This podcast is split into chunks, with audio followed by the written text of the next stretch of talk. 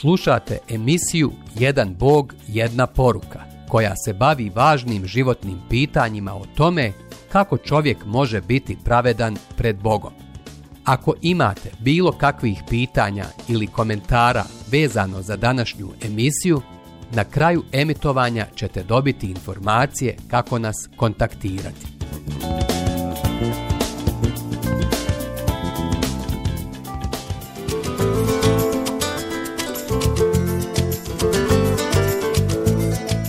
Jedan Bog, jedna poruka.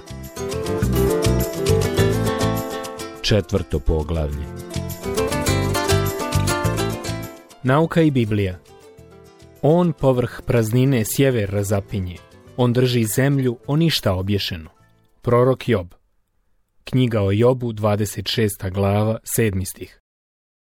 Ima tome nekoliko godina kako sam sa suprugom obilazio jednu pećinu. Vodič nam je pokazivao impresivne stijene, stalaktite i stalagnite. Naglasio je. A sve je otpočelo običnim kapljanjem vode. Ovo plitko jezerce u utrobi zemlje otpočelo je prije 330 miliona godina, slažući sedimente koji su se vremenom stvrdnuli u krečnjačke stijene. Zvučao je stvarno upućeno, skoro kao neko koje je od početka bio tu i posmatrao nastajanje ovog zdanja prirode. Slušajući ga, sjetio sam se riječi proroka Joba, dok je razgovarao s prijateljima. Gdje si bio kad zemlju utemeljih? Kazuj, ako ti je znanje sigurno. Knjiga o Jobu, 38. glava, 4. stih. Kada smo završili obilazak, zahvalio sam vodiču i upitao ga. Kako to geolozi znaju da je nešto staro milionima godina? Priznao je da mu to nije jasno i dodao. Znate, ja samo govorim ono što sam naučen. Izvorna nauka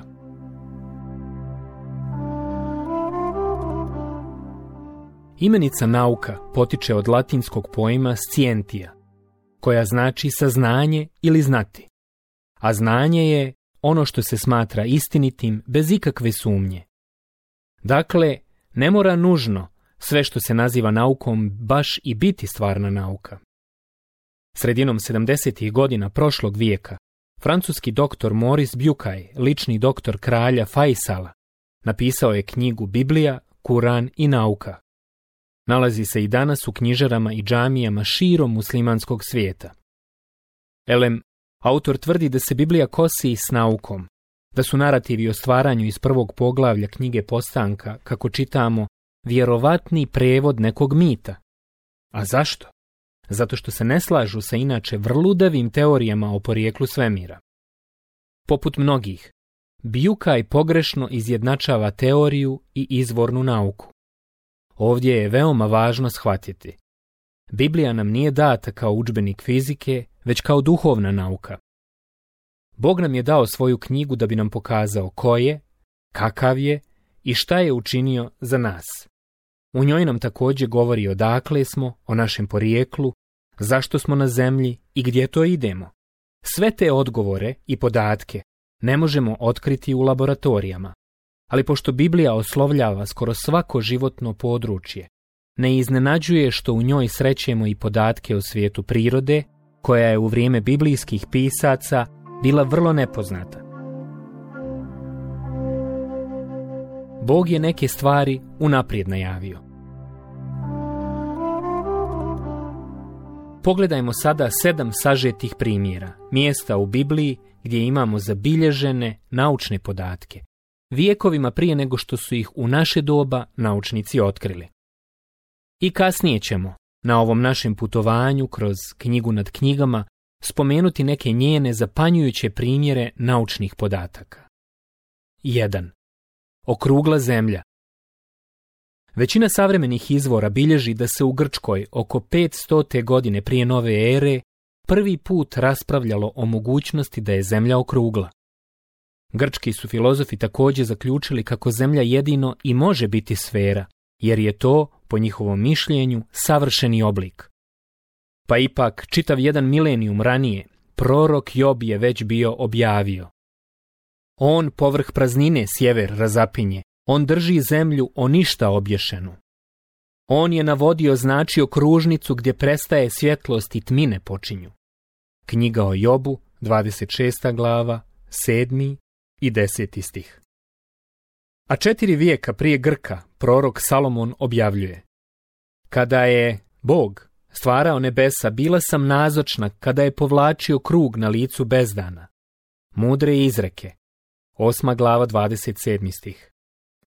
Oko 700. godine prije nove ere i još uvijek dva vijeka prije filozofa Grčke, Izaija kliče. On stoluje vrh kruga zemaljskoga. Knjiga proroka Izaije, 40. glava, 22. stih.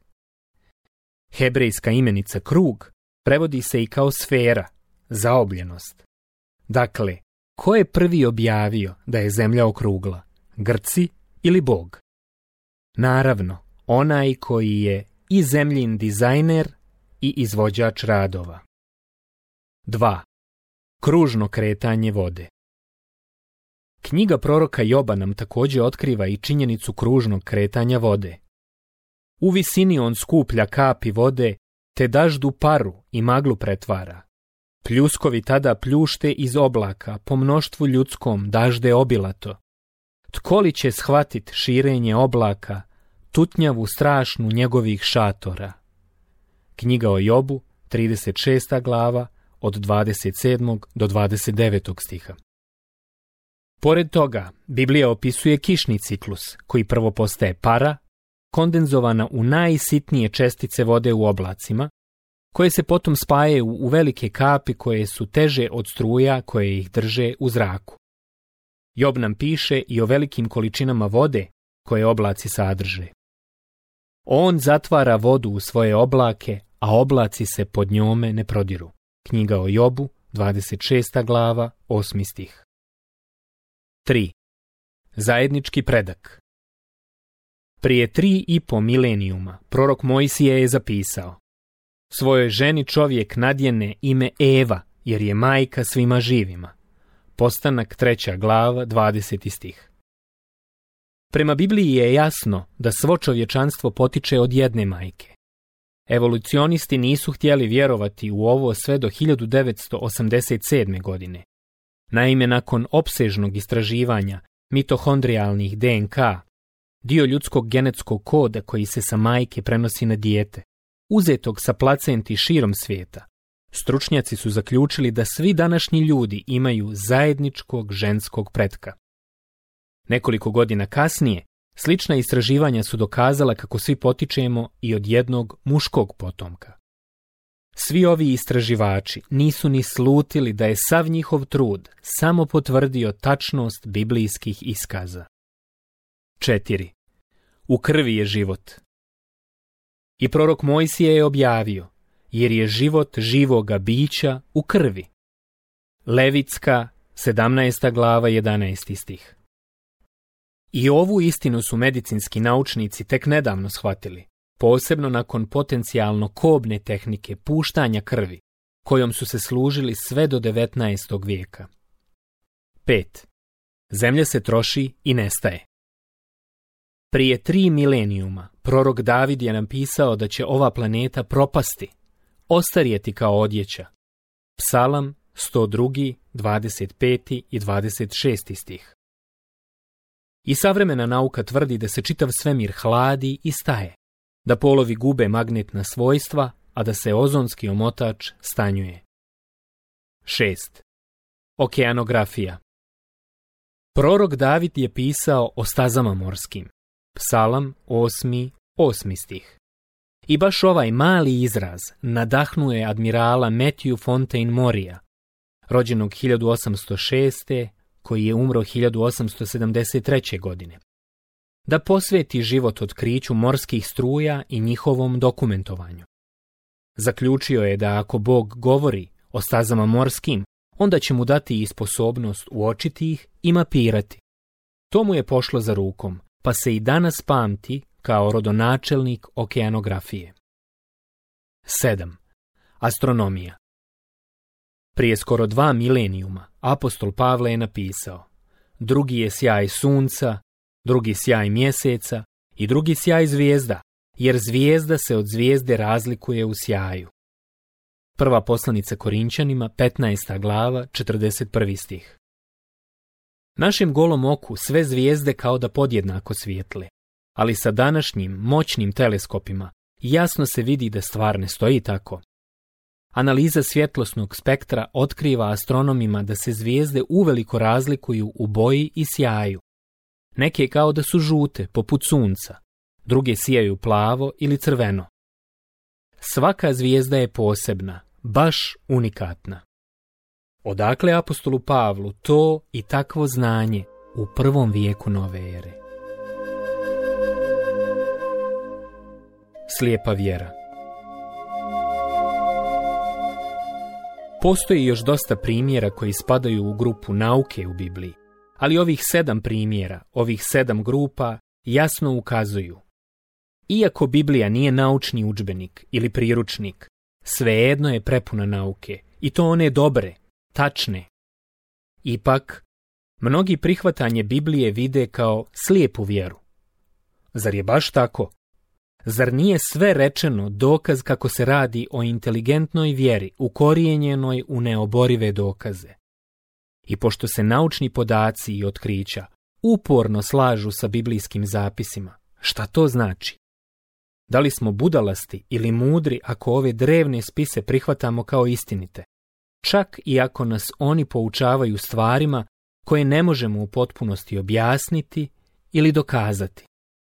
Bog nas nigdje i nikada ne poziva na intelektualno samoubistvo. Šta više, Bog je mnogim dokazima pokazao, dijela apostolska, prva glava, treći stih, i potvrdio pouzdanost i tačnost njegove knjige. Istorija, geografija i arheologija Elem, u ovom poglavlju smo vidjeli neke dokaze o tome da su i stari i novi zavjet najočuvanije knjige doba antike. Ali šta sa njihovim sadržajem? Da li su svi ti podaci pouzdani? Biblija pruža i stručnjacima i skepticima nebrojene prilike za provjeru, ne bili se uvjerili u njenu tačnost doslovno na svakoj stranici, sa svakim istorijskim imenom, događajem ili mjestom. A šta nam otkriva ta istorija, geografija i arheologija? Vijekovima su mnogi pokušavali omalovažiti istorijsku tačnost ove knjige. Među takvim skepticima biješe i Sir Walter Ramsey, rođen 1851. godine, a umro 1939. godine. Jedan od najvećih arheologa ikada i dobitnik Nobelove nagrade za hemiju 1904. godine. Kao mlad bio je ubijeđen da je Biblija nepouzdana, ali su ga sopstvena otkrića primorala da mijenja svoja uvjerenja. Zapisao je. Luka je istoričar prve klase. Nisu samo njegove izjave pouzdane. Već bi ovaj autor trebao biti ubrojan među najveće istoričare. Luka biješe ljekar, istoričar i Isusov sljedbenik. Napisao je dva novozavjetna spisa. Evanđelje po Luki i dijela apostolska.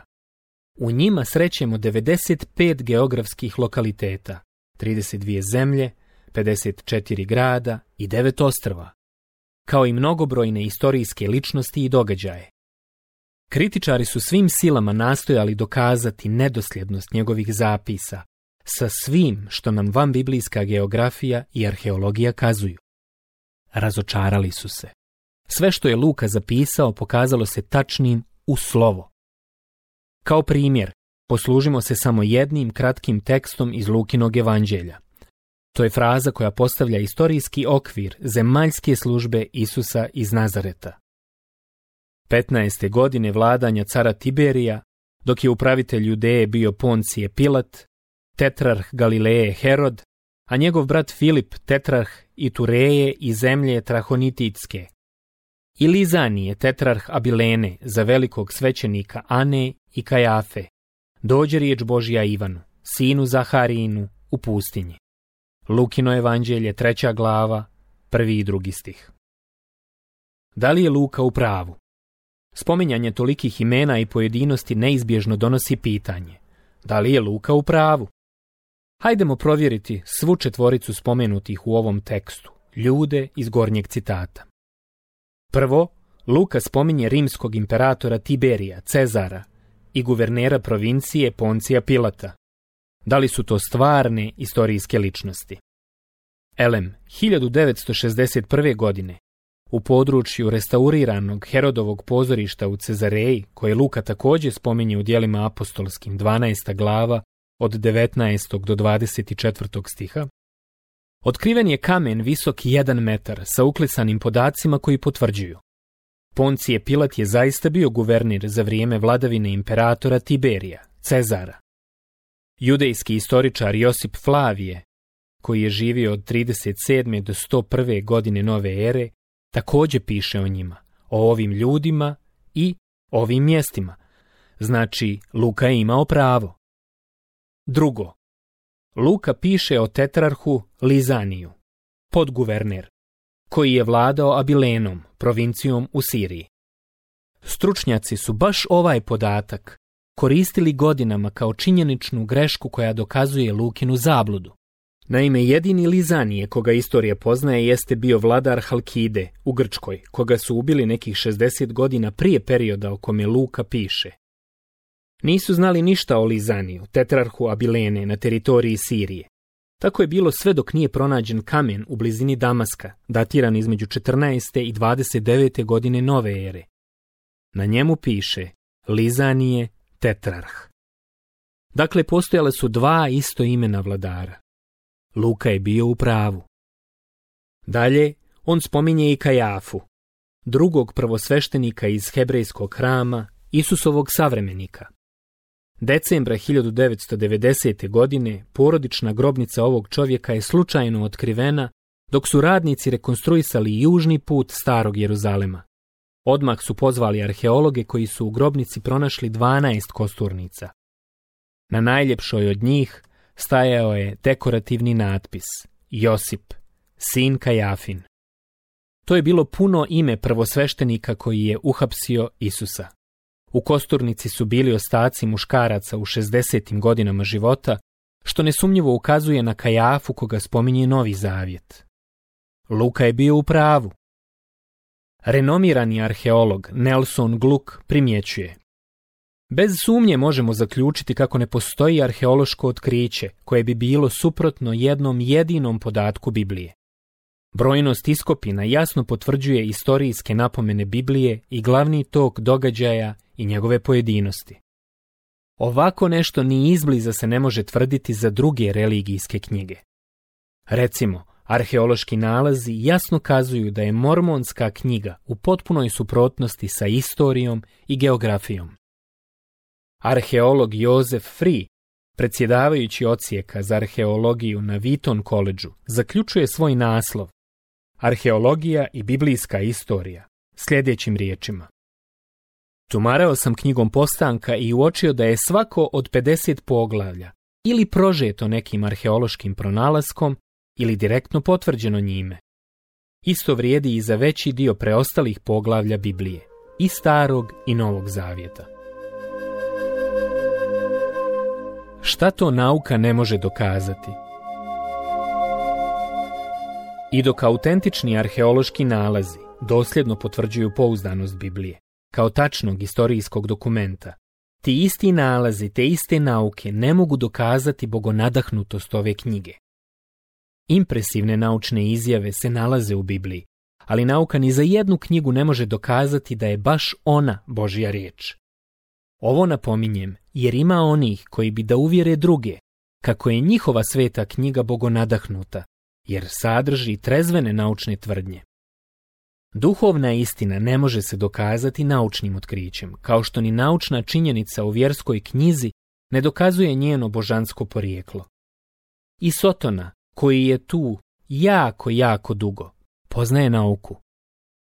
Negdje na početku našeg putovanja Biblijom srešćemo se s ovim nekadašnjim nebeskim anđelom, sada nazvanim Sotona ili đavo, koji je postao Božiji protivnik. Za sada je dovoljno znati.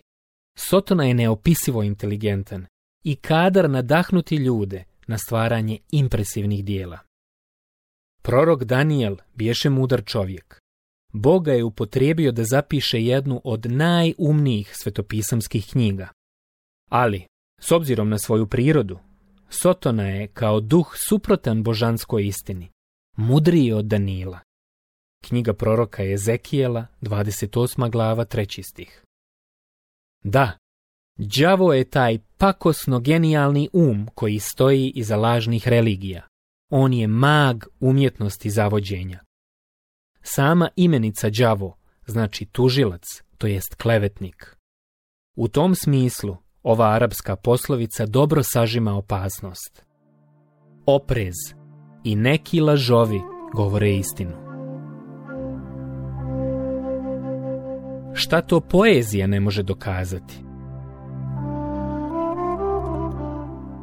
Neke religije tvrde kako njihove svete knjige same po sebi dokazuju svoje božansko porijeklo, jer su pisane u stilu koji je nesvojstven ljudskim bićima. Evo kako mi je o tome pisao jedan Ahmed.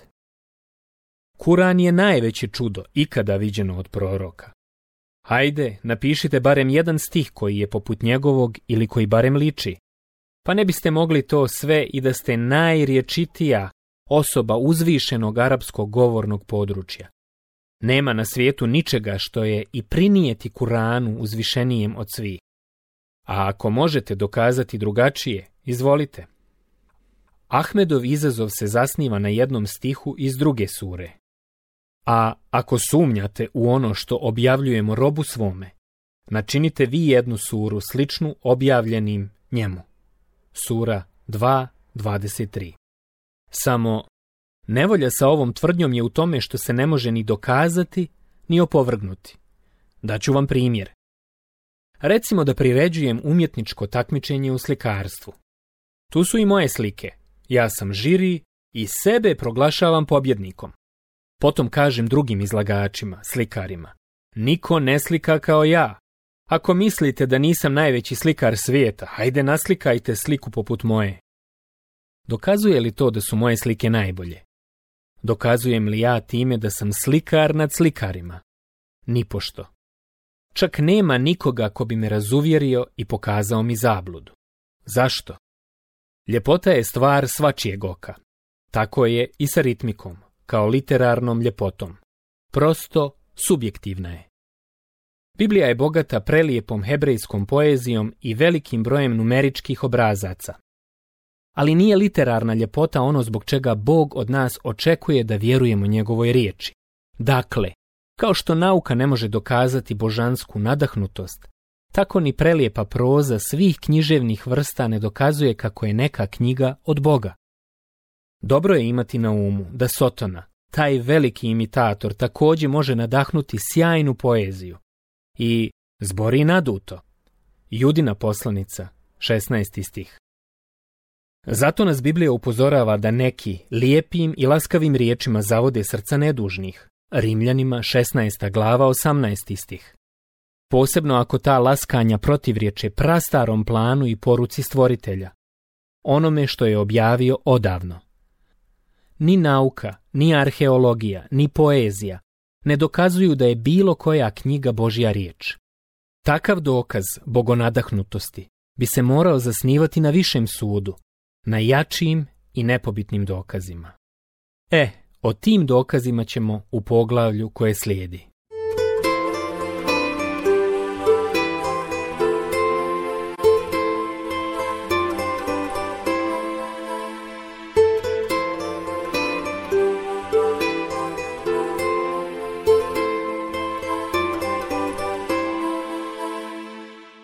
Hvala vam što ste slušali današnju emisiju.